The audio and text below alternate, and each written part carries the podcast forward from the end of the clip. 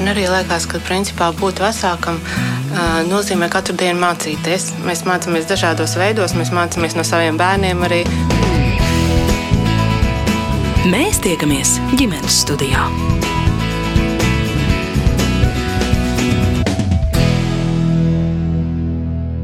Labdien! Mani sauc Mairits Noteņa un atgādinu, piekdiena ir klāt, un ģimenes studija dodas ciemos Šoreiz pie manas kolēģis, Latvijas radio viens rīta programmas Labrīt vadītājs, arī laika ziņu vēstītājs Latvijas televīzijas pirmajā kanālā Dairas Zīles.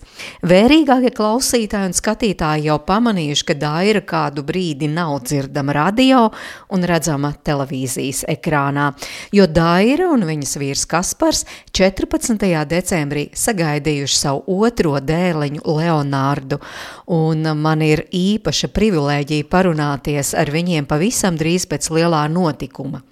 Kad ierodos, viņu vecākais dēls Eduards, kuram šobrīd seši gadi vēl bērnu dārzā, trīs nedēļas vecais Leonārds saldi čuč savā gultiņā uz galda, pie kura apsēžamies deg svece, Daira saliek krūzē stēju, kura garšo un smaržo pēc Ziemassvētkiem, un mūsu saruna var sākties.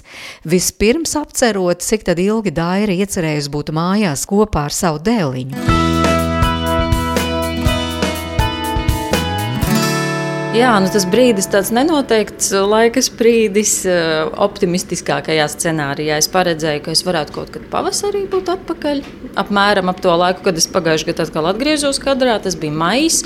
Bet nu, tas noteikti būs gada siltais laiks. Visticamāk, vai nu maijs vai vasara, atkarībā no manām iespējām un varēšanas to savienot ar saviem šobrīd galvenajiem pienākumiem, kas ir eh, mazuļa auklēšana.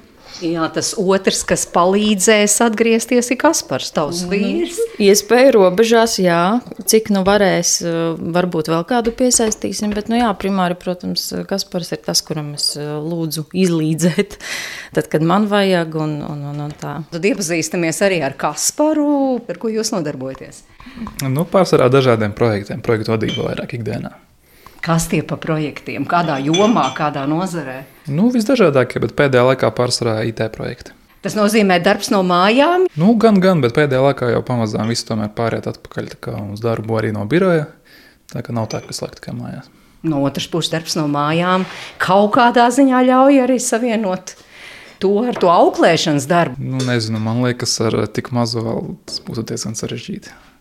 Viņam jau pēc kādas stundas, divām stundām gribās kaut ko padarboties, paņemties, un, un, tad tur ir laiku pie viņa. Kaut kas ir jādara. Mhm. Tā kā drošāk birojā patvērties. Jā, jā? jā protams. Tad var, tad var, tur, tomēr, tur, tur ir mierīgāk. Tur ir mierīgāk un var strādāt. Bet nu, tiešām ļoti nozīmīgs jums ir bijis šis aizvadītājs 2023. gads, tad, tad uh, piedzima otrs puika, un tas ir gads, kas paliks vienmēr jūsu ģimenes vēsturē.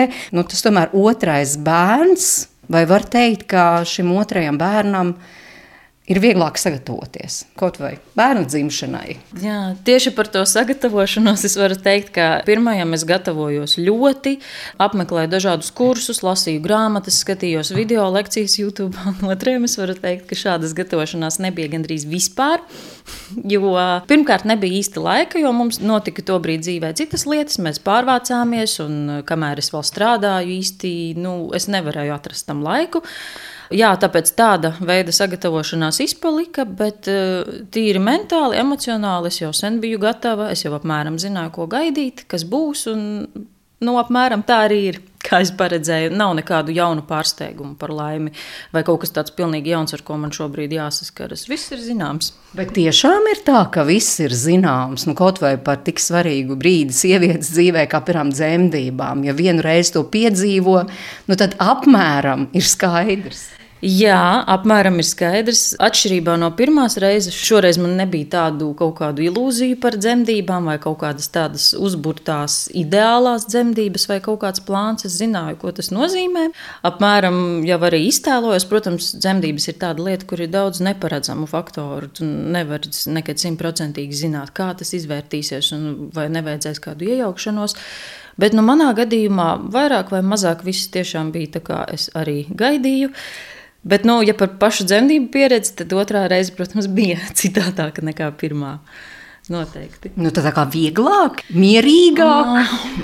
Paredzamāk, straujāk noteikti, ne tik ilgi.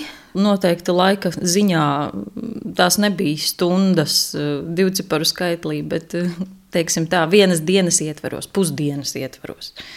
Tāpēc noteikti straujāk, bet nu, es neteiktu, ka nesāpīgāk vai vieglāk. Tikpat nu, grūti, bet uh, ātri vismaz.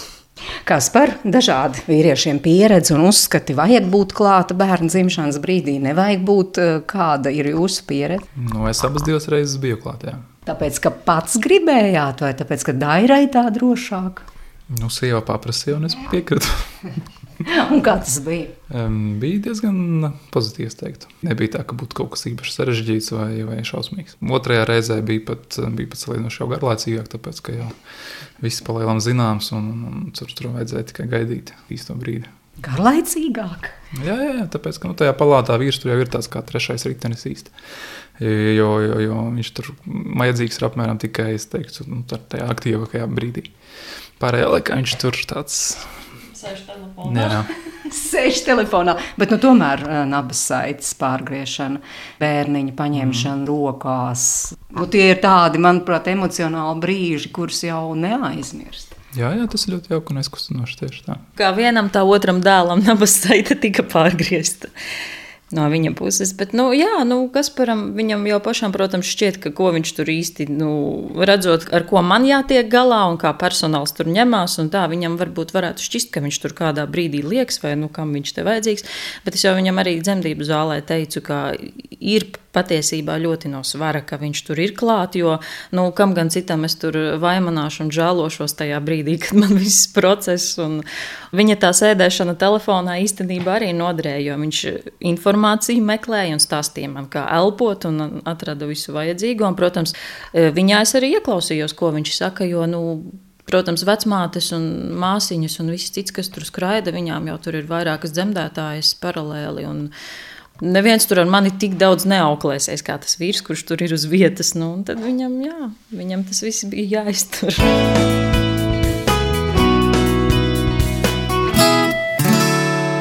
Jums ir atmiņā svaigs tas brīdis, kad jūs pirmo reizi ieraudzījāt savu otro bērnu. Mm. Tomēr citādāks, atšķirīgāks no, no vecākā dēla. Jā, es varētu teikt, ka šoreiz tas pat bija tā apzinātāk, vismaz man, jo man tā pirmā pieredze bija ar um, epidurālu anesteziju, no, nu, ar atsāpināšanu dzemdības, man varbūt tās emocijas nebija tik izteiktas. Man bija arī daudz medikamentu, visādi laist iekšā. Un, Es nezinu, man pašai šķita, ka es esmu tajā brīdī kā dārzenis. nu, nebija tik spilgti. Savukārt šoreiz man bija dzemdības bez atsāpināšanas, un es visu izjūtu tā, nu, pilnasinīgāk. Gan visu dzemdību procesu, gan arī to, kā bērns piedzimst. Nu, jā, un tur tobrīd bija tā, tas brīdis, jā, kad viņš piedzima, un kad man viņu uzlika uz vēdera, man sākumā bija šoks vispār. Kad es viņu ieraudzīju, cik viņš ir milzīgs. viņš bija 4 kg, kad viņš piedzima. Un, jā, un es atceros, manas pirmās sajūtas bija tieši tādas, ka man likās neticami, kā manī tik liels cilvēks visu šo laiku ir dzīvojies un audzis, un es pati saviem spēkiem esmu viņu izlaidusi laukā. Nu, tā bija tā neticami. Tiešām pirmajā brīdī es pat nevarētu teikt, ka man tur bija laime vai nu, laimes asaras man sekoja varbūt vēlāk ar novēlošanos. Bet jā, pirmajā brīdī es biju tāds ļoti tāds pārsteigums, un vispār es nesapratu, ko es esmu izdarījusi. Drīzāk tā. Jā, bet tomēr vizuāli ir atšķirīgs tas otrs bērns. Jūs jau pagaidām tikai nu, tā vizuāli varat novērtēt, bet faktiski jūs jau arī to temperamentu jau sākat sajust. Vai ir tāds pats kā tas pirmais, vai tomēr citādāks, atšķirīgs? Es teiktu, vizuāli viņš pat ir diezgan līdzīgs pirmajam, bet eh, tieši temperamenta ziņā ir jūtama atšķirība jau tagad. Jā. Otrs ir eh, vienā ziņā it kā mierīgāks, bet te pašā laikā mm, tāds pārliecināts par sevi, es teiktu. Viņš eh, ilgāku laiku var viens pats pavadīt, viņam tik ļoti nevajag laiku pie vecākiem varbūt būt. Un, un, un arī guļ viņš, teiksim, salīdzinoši labāk nekā pirmais. Prieks dzirdēt, tas nozīmē, ka tiešām varat jūs kā jaunie vecāki pat varat izgulēties pa naktīm. Tētis var, jā, jo viņš guļ uz dīvāna vai stabā.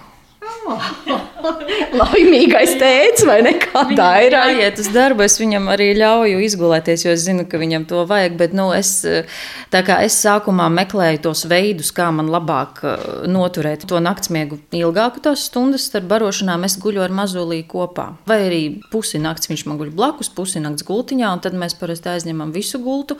Un, lai tur nebūtu kādam stress, ka kāds nejauši uzliek sagu virsū vai uzguļās, tad nu, mēs izlēmām, ka pagaidām vīrs tad ies uz dīvānu es ar mazu aizņemu divguļamo gultu.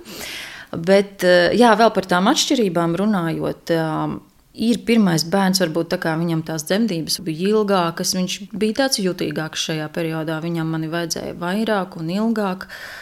Bet tagad Leonards, varētu teikt, viņš jau tādā straujāk ienāca šajā pasaulē. Viņš tāds varbūt pārliecinātāks. Nu, nav tā, ka viņam mani vajag šobrīd 24, 7. Vismaz pagaidām. Varbūt uznāks vēl kāda fāze, kad viņam vajadzēs vairāk pie manis, bet nu, viņš pēda, es viņu paauklēju, un tā, un viņš pārsvarā arī guļ. Nu, ir nomoda periodi, bet nu, es ne, nesauktu viņu par nemierīgu vai, vai kādu. Pirmais bērns bija jutīgāks tajā ziņā. Mm -hmm. Viņam man vajadzēja vairāk un biežāk. Tā kā jūs abi sakāt, tāds mierīgāks, pārliecinātāks, varbūt jūs kā vecāki citādi reaģējat vai rīkojaties? Jā, tā bija arī mana teorija, ka mēs kā vecāki pirmo reizi, nu, vismaz es biju sākotnēji ļoti nobijusies. Man šī jaunā pieredze ļoti iebelza papieri, vispār kā tagad dzīvot un apiekt to jauno realitāti. Ar pirmo bērnu. Savukārt, ar otro man pat bija vieglāk attiekties no visa tā, no, no dzemdību procesa. Arī tagad kas man skaitās pēcdzemdību periods, ir vieglāk izturams, panesams. Es pat jūtos adekvātāk, jo pēc pirmās varētu teikt, ka es biju ļoti emocionāla un ar atvērtiem nervu galiem. Varēju ļoti par kaut ko vai nu sabēdāties, vai sapriecāties, nu, tādās galējībās. Bet šobrīd es jūtos arī līdzsvarotāk, un varbūt arī tas bērns to jūt un ir līdzsvarotāks. Varbūt. Nu, tā ir mana teorija.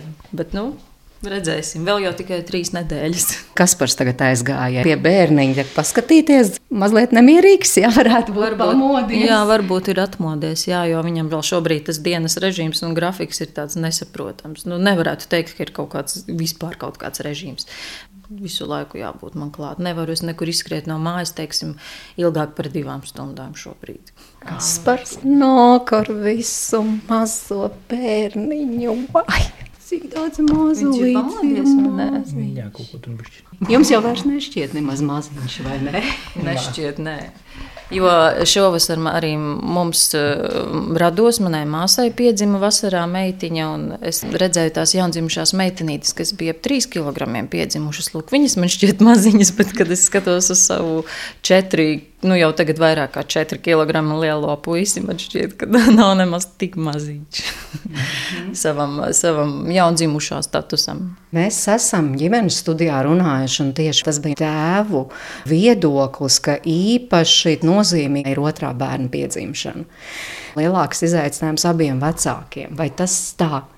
Jau ir. Nu, jā, šobrīd mēs ikdienā varam vērot, ka ir uz katru bērnu viens pieaugušais, un vairāk jau arī nav.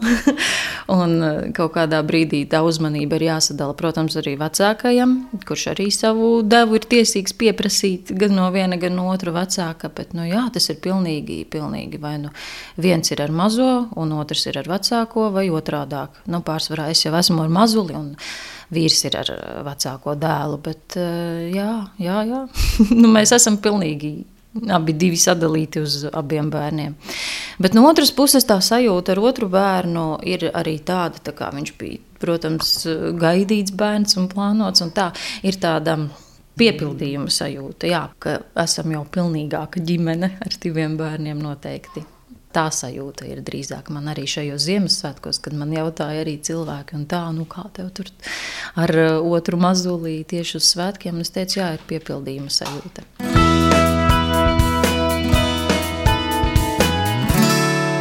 Kas par rekā jūs ar to bērniņu pārģērbšanu šobrīd nodarbojaties. Tas ir grūti, sarežģīti. Nu, piemēram, tagad skatos, ak, Dievs, cik maz pampēriši tāds es biju aizmirsus, ka tik maziņi, jā. Nē, kā ietrunājies, tad tur nekas sarežģīts vairs nav. Jā. Ar pirmo bija tā, ka nedaudz baidies tam bērnam kaut ko tur durties klāt, viņam tur domā, kaut ko sabojās un tam līdzīgi. Ar otru bērniem ir daudz vienkāršāk. Nu, bet kurš tomēr ir tas grūtākais darbiņš, nu, ko jums uztic? Grūtākais. Um, nu, mēs jau principā abi darām visu vienu to pašu, tikai es nebaroju, jo man īsti nav tāda iespēja. Bet um, visgrūtāk to bērnu gan jau ir um, iemidzināt, teikt.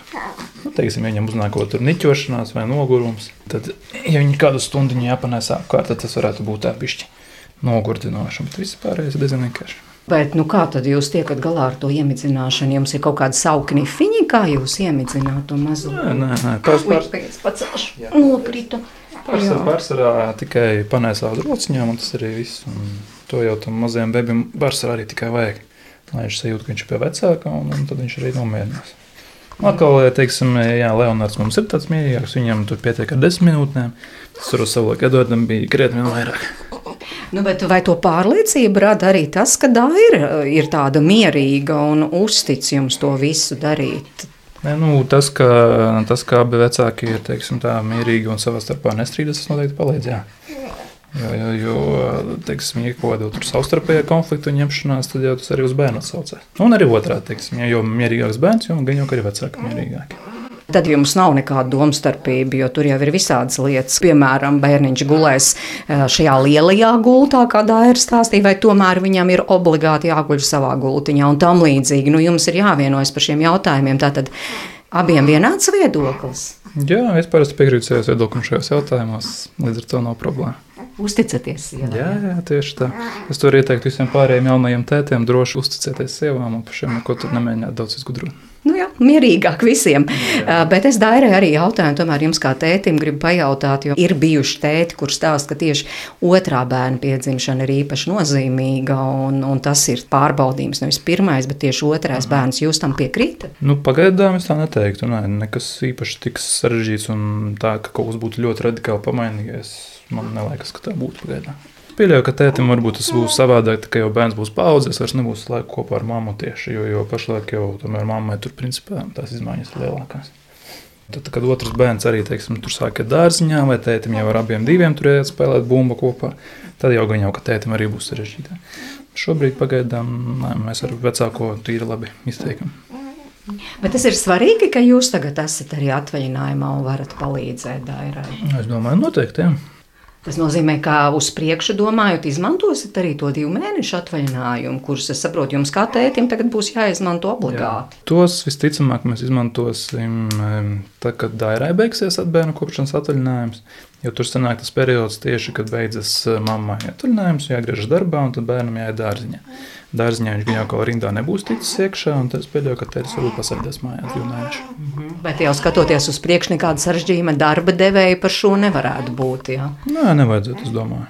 Labi, tas ir teiksim, gan jau arī individuāli atkarīgs no katra darba devēja un, un, un darbinieka attiecībām, bet man tādā ziņā tur nevajadzētu būt problēmām. nē. Nu, lieliski, reko mazais Leonārdiņš ir saģērbts un tagad atkal desmit minūtes paucināt, vai ne? Un droši vien, ka čučēs laikam, jā. Nu, man liekas, viņš tagad grib bišķiņ iekost. Ah, tad vēl nesīs Leonārdu mammai.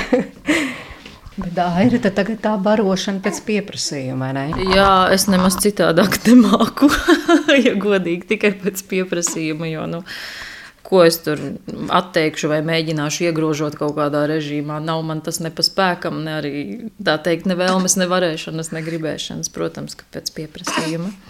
Bet runājot vēl par to otro bērnu, ko tu jautāji arī Kasparam, man liekas, mums pat izaicinošāk un grūtāk bija tieši pirmais, kad uh, ienāca ģimenē, jo tad man šķiet, ka mūsu savstarpējās attiecības bija vairāk uh, saspringtākas, jo mēs abi bijām neizgulējušies biežāk un, un, un, un abiem tas bija kaut kas jauns, bet tagad jau ir vieglāk. Tagad es zinu, ka vismaz vienam vecākam vajag ļaut izgulēties. Tāpēc arī kas par guļu uz dīvāna, un es viņam to ļauju, un mums abiem tas apmierina. Vismaz šobrīd, un uh, ar otro mēs esam līdzsvarotāki. Nu, pat tur ir mazliet, kamēr vēl ne. Bet kā vecākais dēls uztvēra jaunāko ienākšanu? Kaut kā gatavojāt viņu šim brīdim? Mēs runājām, protams, par to, ka tev būs brālis, viņš ļoti, ļoti bija sajūsmā par to, ka viņam būs, jo viņam redz ir jau seši gadi, un man liekas, jau no četru, piecu gadu vecuma viņš visu laiku jautāja, kad viņam būs brālis vai māsa. Un beidzot viņš sagaidīja, un tad, kad viņš sagaidīja, protams, viņš arī ir pārlaimīgs, un viņš to savu mīlestību ļoti izrāda dažādos aizkustinošos veidos. Viņš ir izdomājis pats dziesmiņu, ko viņš dzied brālim, un runājās ar viņu un spēlējās. Un izpēta visus viņa parametrus, un rokas, un pirkstus, un kājas, un kustina. Un šobrīd jā, ļoti, ļoti mīlošas attiecības, ja tā var teikt. Brīnišķīgi, jo visādi jau mēdz būt, jo tur arī greizsirdība var iezakties un tam līdzīgi.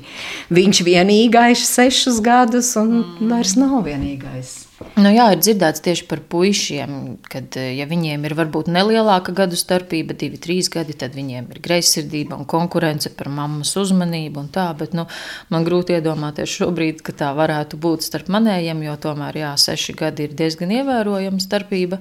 Un eh, vecākajam Edvardam viņš ir jau tāds pašpietiekams. Viņš jau domā par to, ka viņš šogad ies skolā. Un, eh, nu, viņam ir vieglāk arī saprast, kāpēc varbūt es nevaru kādā brīdī pienākt un paspēlēties ar viņu viņu, ka man ir tomēr jāveltās tagad brālim, viņam to ir vieglāk ieskaidrot. Ja viņš būtu divgadnieks vai trīsgadnieks, noteikti viņam būtu grūtāk pieņemt to, ka es nevaru. Piemēram, šobrīd nākt un bumbu mētāt, vai kāpēc es nevaru. Kas par saku? Oh, tiešām kāds skaistulis! Jā, tas ir Cēzars.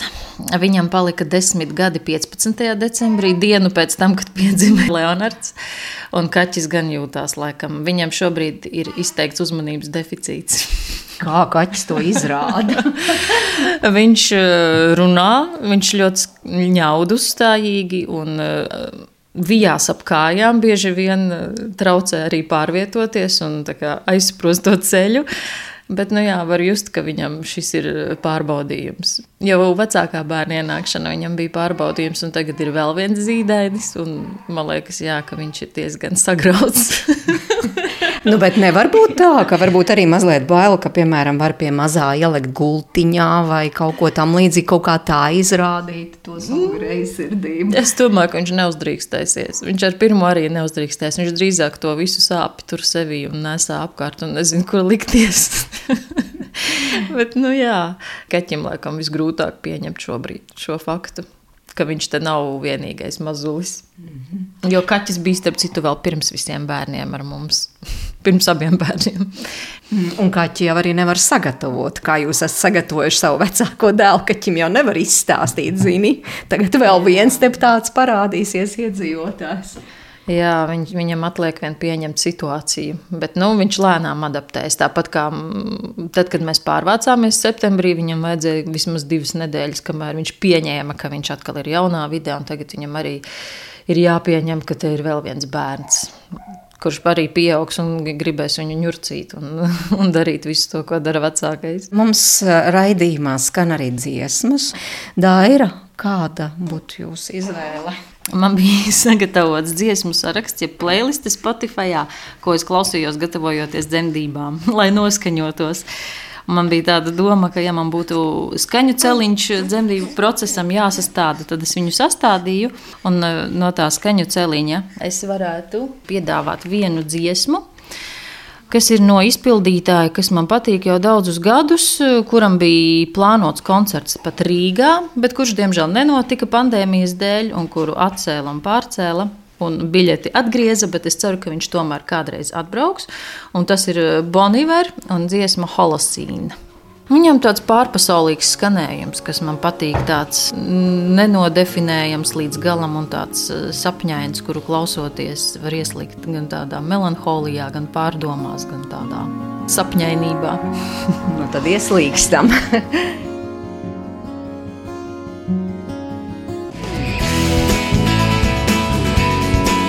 Mēs tiekamies ģimenes studijā. Atgādinu, šodien ģimenes studija ciemojas pie Dairas un Kaspara zīlēm. Viņi pirms trim nedēļām sagaidījuši savu otro atvasi, dēliņu Leonārdu un Daira atgādina, kāda tad ir mammas ikdiena šajā periodā. Man ir plāni tikai, es nezinu, turpmākajai nedēļai, kamēr Kaspars ir eh, savā atvaļinājumā, un tad es varu ieplānot kaut kādas uh, lietas izdarīt, uh, ko man vajadzētu. Jo, jā, jo līdz ko viņš atgriezīsies atkal darbā, pilna laika, tad, nu, jā, tad es nevarēšu tā izskraidīt visur, kur man vajag. Tāpēc esmu maksimāli saplānojis šajās divās 1. janvāra nedēļās, visur, kur man jāaiziet, divu stundu laikā, ne ilgāk, cik es varu atļauties. Pie masiera man ir jāaiziet, tad man vēl ir jāaiziet uh, pie zobārsta un nu, tādas lietas. Tas ir vienkārši pašsaprotami, ka tā tas ir. Kā sevi vispār jānoliek teikt, maliņ, maliņā, otrajā vietā. Jā. Ir jau jānoliek, un man liekas, ir īpaši tām sievietēm, kurām tas ego lielāks, ir grūti pieņemt, ka savas vajadzības ir jānobīda otrajā, trešajā plānā, un bērnu vajadzības ir jāliek pirmajā vietā. Bet nu, tā tas ir pirmajos mēnešos, tur citādāk. Es nezinu, Jo tas mazulis jau vēl uztver sevi un mammu kā vienu veselu, kā divi vienā. Un tikai tur, laikam, ap 4. mēnesi viņš sāk jau pamazām apzināties sevi kā atsevišķu cilvēku vispār. Un līdz ar to arī mammai jābūt uz to gatavai, ka tā būs. Nu, manā gadījumā šie pirmie mēneši viņam iekrīt tagad tieši ziema līdz pavasarim. Nu, tad es arī noskaņojos uz to, ka uz šo ziemu es ielienu savā aliņā. Un tādā aliņā arī nosēdēšu līdz pavasarim gaņam, un tad jau pamazām sākšu domāt, ko es varu, cik es varu vēl, un cik daudz man mazais cilvēks ļaus vēl kaut ko padarīt priekš sevis. Tagad izskanēja arī ļoti skaļi, piemēram, šīs runas par pēcdzemdību depresiju, un ka nav nemaz tik viegli, un ka visu uzmanību pievērst šim mazajam brīnumam, parasti, ka bērniņš piedzimst. Nu jā, tas nav viegli. Ar pirmo, tāpēc es saku, man bija grūtāk pieņemt to realitāti. Un ļoti ilgi vispār sadzīvot ar domu, nu kā es tagad vispār neieiešu ne dušā, ne sakārtošu māju. Kā tas iespējams, ka man ir tik ļoti jāveltās kādam. Bet tagad jau es ar to rēķinos, ka tā ir. Bet, uh, Pagaidām man izdodas. Nav vēl bijusi neviena diena, kad man būtu tie nemazgātie mati netīrie bijuši vai vēl kaut kas tāds. Bet, nu, jo jā, Kasparam ir atvaļinājums. Jā, jo Kasparam ir atvaļinājums, jā, un bija svētku dienas, un vairāk visi bija mājās. Tā tas pirmais mēnesis būs jau pagājis, jau janvāra vidū. Nu, nav, protams, tas viegli neslēpšu, bet nu, tā tas ir. Es nevarētu iedomāties, ka es varētu tagad kaut kur vēl iet apkārt vai kaut kā mēģināt pakārtot kaut kādas lietas. Nu, es ar to rēķinājos, un tā tas arī ir. Arī tētim tas ir izaicinājums, ka tagad, nu, sevišķi, kad otrs bērniņš piedzims, nu, tās tomēr ir darbs mājas, darbs mājas, neko citu jau īpaši plānot nevar. Tieši tā, nu, bet tā jau ir apzināta izvēle. Teiksim, labi, ar pirmā varbūt vēl nav tāda apzināšanās, kāds būs gaidāmais ritms un, un, un visi tie pasākumi. Bet ar otru tur jau nekādu pārsteigumu nav. Mēs jau arī zinājām, ka, kad būs otrais bērns, tad arī būs lietas, kuras tu varēsi darīt, kuras, nevarē, kuras nevarēsi darīt. Nu, kā jūs esat atteicies? Nu, pārsvarā tie ir nezinu, mazāk sports gan jau, ka nav tik daudz laika tam visam. Nu, kaut kādas izklaides. Nu, tas jau paliek, jo, jo ar vecāko bērnu jau teiksim, tāpat viņš kaut kur ir jāved, jādarbojās. Tas viss paliek, jā, bet tieši pašam kaut kādas savas lietas tas noteikti pagaidām mazāk.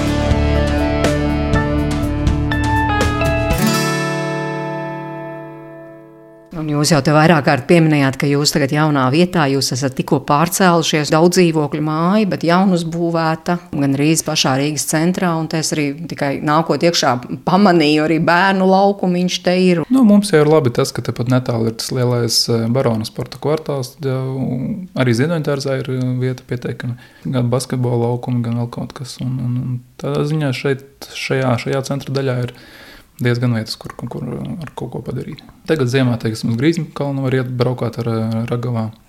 Nav obligāti jādzīvo laukos, lai ietu ārā spēlēties, kā saka. Bet jūs paši esat no laukiem vai, vai no pilsētas? Es bērnību dzīvoju Dārgopilī, bet privāti mājā, un, un, un Daira viņa atkal dzīvoja vairāk daudz dzīvokļu mājās, bet arī gan, nu, balvos rēzeknē salīdzinoši tās mazpilsētās.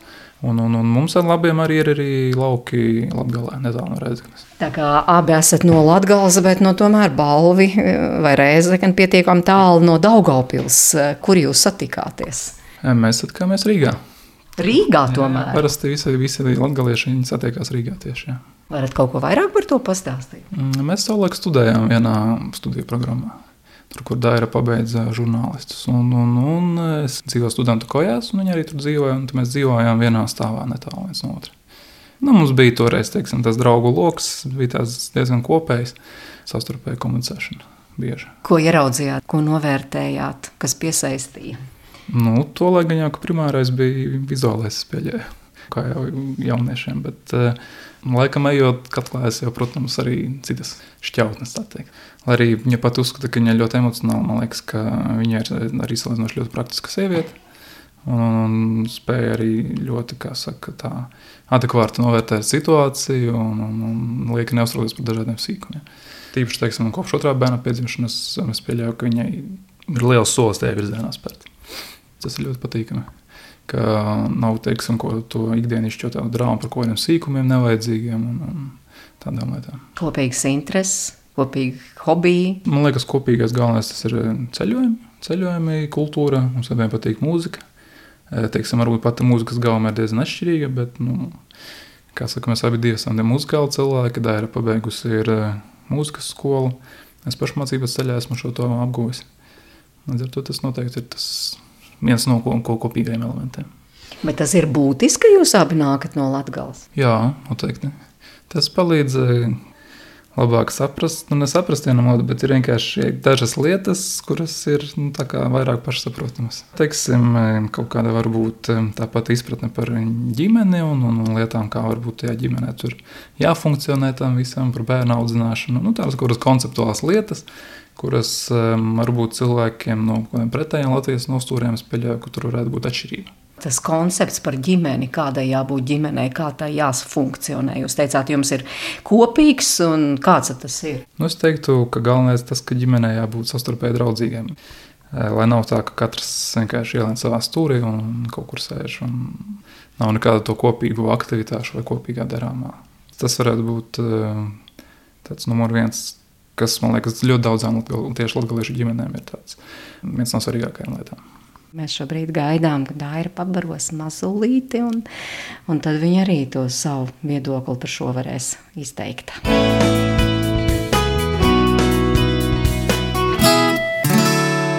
Poēdis mazais cilvēciņš. Cerams, uz kādu brīdi. Tagad visam vēdā jāsastājas pa savām vietām. Kamēr mazais bērniņš ēdas, te ar Kasparu runāja par to, kā jūs satikāties, kā jūs iepazināties. Mēs... Divi latgalieši izrādās Rīgā, nevis Latgalē. Jā, mēs iepazināmies tad, kad uh, es sāku studēt Rīgā žurnālistiku, un mēs iepazināmies, jo mēs dzīvojam vienās kojās vienā stāvā. Bet eh, sākotnēji mums nebija tāda iepazīšanās ar simpātijām uzreiz. Mēs vienkārši bijām kopā vienā tajā kompānijā, kas eh, ballējās, vasarā brauca uz festivāliem. Un kā jau studenti no provinces, kas tiek Rīgā parasti.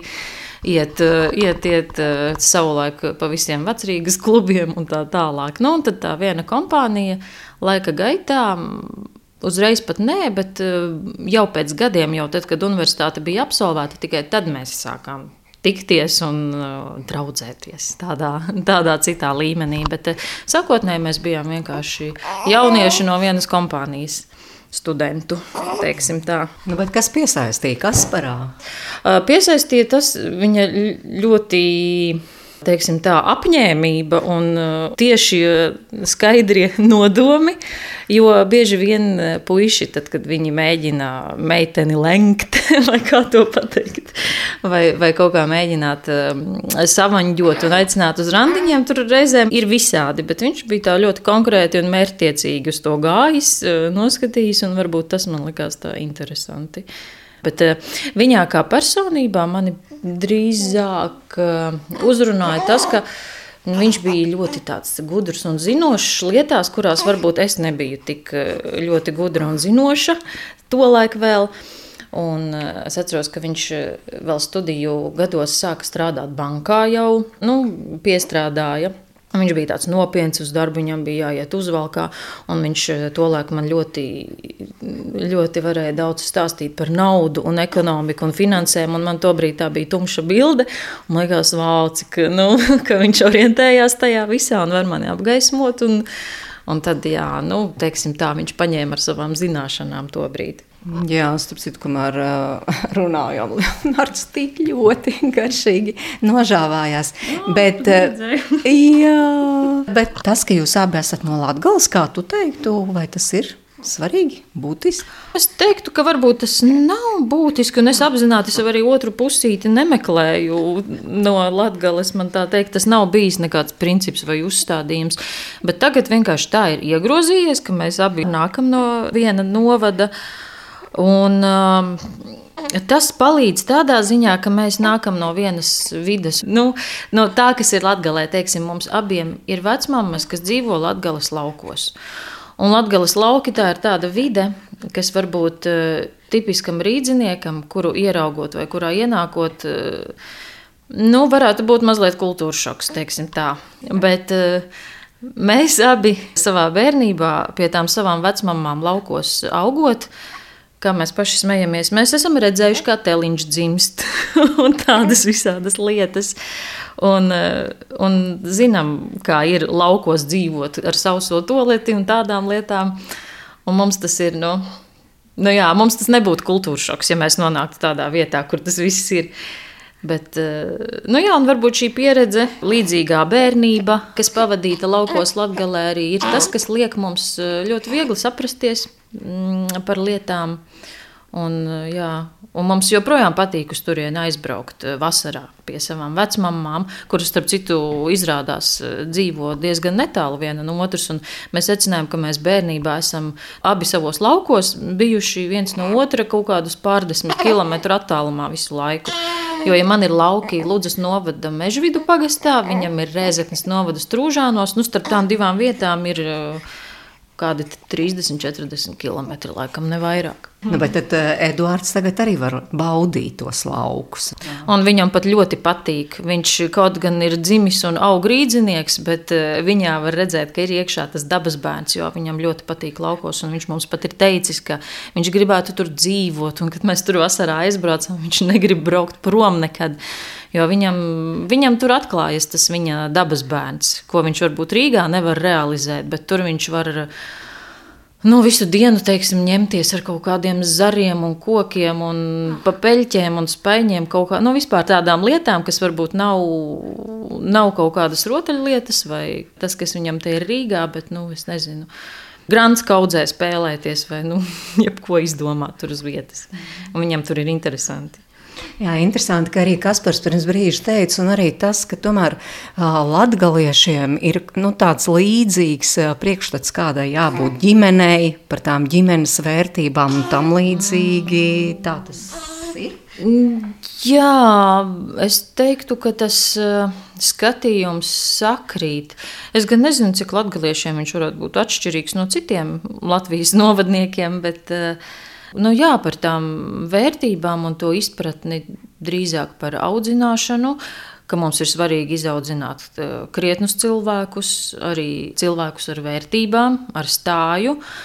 Un tas ir tas, ko mums, latgaliešiem, vienmēr audzinājušas mūsu vecmāmas. Uh, Labi, Kasparam ir droši vien sava pieredze, kā viņš tika audzināts, bet nu, man, piemēram, no vecākiem vecākiem ļoti tās vērtības vienmēr tikušas audzinātas. Nu, bet tās vērtības, kādas tās vērtības? Nu, tas, kas Latgalē ir vienmēr ļoti svarīgi, kas, nu, neslēpsim, nāk arī no katoļu baznīcas ļoti tā ietekme, tas uh, cienīt savus vecākus, uh, nu, ka tā ģimene ir vērtība un uh, rūpēties par bērniem un uh, laulību savu sargāt. Tā, nu, tas viss tas ir, man liekas, tajā latgal, latgaliskajā kodā iekšā kaut kādā mērā. Nu, jā, tad grūti izstāstīt. Vienkārši tas, kādi ir tie latgalieši, ka viņi nu, ir tomēr par savējiem ļoti vienmēr iestājas. Un, Neaizmirst nekad ne savas uh, omītes, ne vectēvus. Mēs joprojām braucam pie saviem vecākiem katru vasaru un vienmēr atceramies viņus. Nu, kā to mazo Leonārdu izaudzināt par tādu krietnu cilvēku? Nu, tas ir tas dzīves uzdevums lielais, ar ko jātiek galā. Es ceru, ka izdosies. Kā izaudzināt? Nu, atrodot īsto pieeju, kā ar viņu runāt, vienlaikus varbūt neierobežot viņa brīvību, ļaut viņam arī varbūt uz kaut kādiem saviem grābekļiem uzkāpt, bet uh, ļaut arī pašam gūt kaut kādas mācības. Tas, kas ir uz vecāku pleciem, parādīt viņam virzienu, dot viņam iespējas, bet ļaut viņam pašam izvēlēties. Un tā, lai viņš eh, spēj pieņemt lēmumus, lai viņš ir cilvēks, kurš uzņemas atbildību, ko mēs mācām arī vecākajam dēlam, ka viņam ir jāatbild gan par saviem vārdiem, gan savām rīcībām. Jo nu, viņi tomēr būs vīrieši kādu dienu, un gribās, lai viņi ir tādi stipri vīrieši. Cerams. Jā, nu to es arī jums tiešām no sirds novēlu, skatoties gan uz mazo Leonardu, un tūlīt es saprotu, arī Edvards atnāks no dārziņa, varbūt arī varēs kādu vārdiņu pateikt, bet nu, tādi tie tuvie plāni šim nākamajam 24. gadam, kas jau ir sācies, jums ir kādi jau tādi nosprausti, citi jau raksta tur tās apņemšanās. Mm. Nekādu lielu plānu nav, jo galvenais visu plānu virzītājs noteikti būs mazais Leonards, un visi plāni pakārtosies viņam. Man ir tīri, varbūt priekš sevis kaut kāds plāns šoreiz būt tādai mammai, kas saplāno savu laiku un eh, spēj ar laiku arī atrast eh, gan sev tā saucamo laiku priekš sevis, gan eh, vienlaikus spēt parūpēties arī par mazuli, lai viņš ir apmierināts, lai viņam netrūkst tomēr nekā arī manas uzmanības. Drīzāk, jā, man šis gads būtu par to, kā sevi sastruktūrēt šajā jaunajā lomā ar diviem bērniem un nepazaudēt sevi arī, sevi pašu šajā mammas lomā. Varbūt kāds ceļojums, jo tas laikam ir jums abiem tiešām svarīgs. Nebraukt tālu, bet vienalga. Nu, Latgali noteikti būs ceļojums, jo tas tomēr ir ceļojums līdz turienei, lai mēs tiktu ar, ar diviem bērniem. Tas reizēm ir četru stundu jautājums, un tas jau ir brauciens, kas noteikti nav uz vienu dienu. Tā kā uz Latgali ceļojums noteikti vasarā. Vai kur tālāk redzēsim, bet es zinu, ka Kaspars ar vecāko dēlu grib kaut kur aizbraukt, varbūt divi tā. Vai arī, nu, Kasparam ļoti patīk arī dažādi pārgājieni un palikt pa nakti brīvdabā, un viņš ar vecāko dēlu man šķiet, ka grib kaut ko tādu realizēt. Nav vēl skaidri izlemts, bet pagājušā vasarā gribēja realizēt, bet neizdevās, un tad iespējams šogad viņi kaut ko tādu sadomās. Vai būs kāds ceļojums ārpus uh, valsts, redzēsim. It kā jau gribētos, bet nu, jāskatās. Nesam vēl domājuši. Bet, bet nu, jums ir tomēr arī tādi palīgi spēki, ka jūs varat arī kaut kur arī divatā doties. Jā, es ceru, jo mēs vēl medus mēnesī neesam devušies kopš savām kāzām. Bet, nu, jā, bet tas noteikti pēc kāda laiciņa, kad uh, mazulis nebūs tik ļoti no manis atkarīgs. Uh, Nu, tad jāpasauc kāda no savām māmēm, droši vien vai no Reizeknas vai Daugopils. jo ikdienā mums ir īstenībā tā, ka mēs te Rīgā esam divi vien un uh, arī mūsu brāļi un māsas paši ir ar maziem bērniem, un īsti jau nav ko tā piesaistīt, kas varētu atskriet jebkurā laikā tāda ome un, un pasēdēt vai paauklēt. Mums ļoti vienmēr ir laicīgi viss jāieplāno, jau mēnešus citreiz iepriekš jāsarunā. Un jā, tur ir plānošanas jautājums. Jo, ja to Omi vajag no Latvijas atsaukt, tad viņai vienmēr vajag izplānot, paņemt atvaļinājumu konkrētā laikā. Tā, jo nu, Omas mums ir strādājošas līdz pat 60 un vairāk gadiem šobrīd. Nu, tā tas šobrīd ir, jā, protams. Bet, eh, nu, bet skaists brīdis, vai ne? Tomēr, neskatoties uz visām grūtībām, kas, protams, ir tad, kad ienāk bērniņš ģimenei, Tas tomēr ir kaut kas, manuprāt, nezinu. Gribu tāpēc arī jautāt, kaut kas tik skaists un tāds neatkārtojams.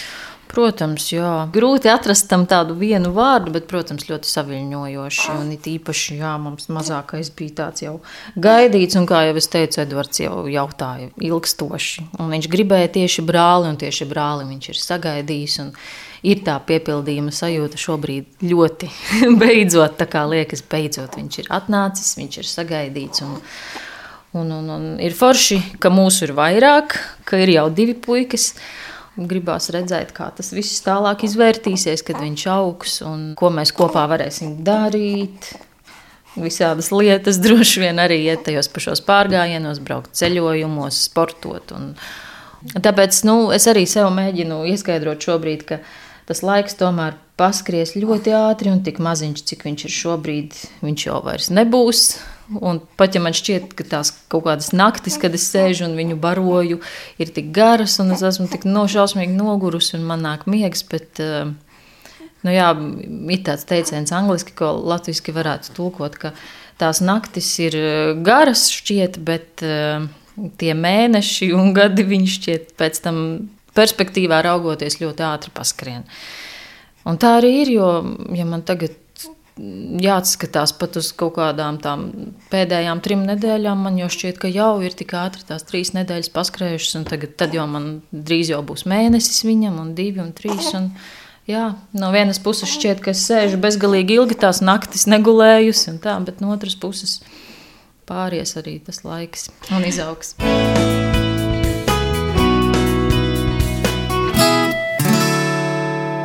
Kamēr runājamies ar Dairu, Kaspars no bērnu dārza atvedz Eduardu, un varu pārmīt kādu vārdu arī ar viņu. Nu, re, tikko atnāca no dārziņa, kā tev gāja bērnu dārzā šodien?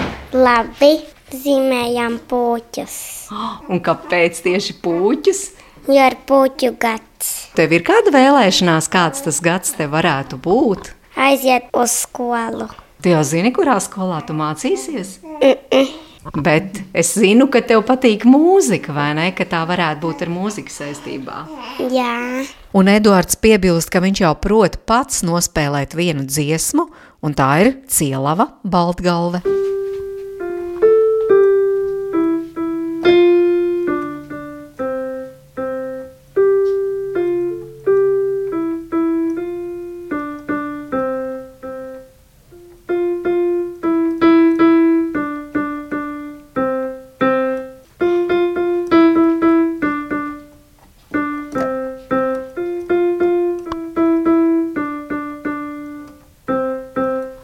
Paldies! Kas tev to iemācīja?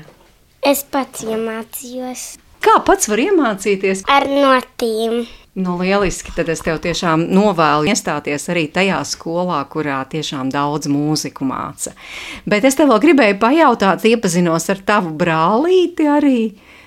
Ko tu par savu mazo brāli jau vari pastāstīt, kāds viņš ir? Un foršs, skaists. Viņš jau kaut ko māca arī izdarīt. Viņš atvēra rotaļlietu un māca ar durvis atvērt pirkstu. Vai tad ar brālīti jau ir interesanti, vai tu gaidīsi, ka tavs brālis izaugs lielāks? Gaidīšu, kad izaugs lielāks. Un ko tu plāno ar viņu kopā darīt? Kā tev šķiet, kas varētu būt interesanti? Spēlēt basketbolu. Tad otra tava aizraušanās ir arī sports, ja? Jā. Tad, lai tev viss iznāk jaunajā gadā, ja? Raidījuma noslēgumā arī skan dziesma, un, un tad šoreiz Kasparam jāizvēlas, eh, ko mēs klausīsimies. Jā, Mēs varētu paklausīties to visu nāk un aiziet tālumā. Nora Bumbieru un Viktors Jā, jā. Lapčēnoks, jā? Jā, Ļoti atbilstoša dziesma tādai tēmai kā bērnu audzināšana. paldies! Zieļu ģimenei, Dairai, Kasparam, Eduardam un Leonardam. Paldies, ka tik īpašā mirklī, kāds tiešām tas ir šobrīd jūsu ģimenē, ka jūs atļāvāt šeit pabūt arī ģimenes studijai un tiešām mīļš paldies gan Lienas Vimbas, gan Noras Mitspapas, gan arī manā Mairidas notiņas vārdā un, protams, paldies jums, ka klausījāties un uz sadzirdēšanos atkal citā ģimenes studijā.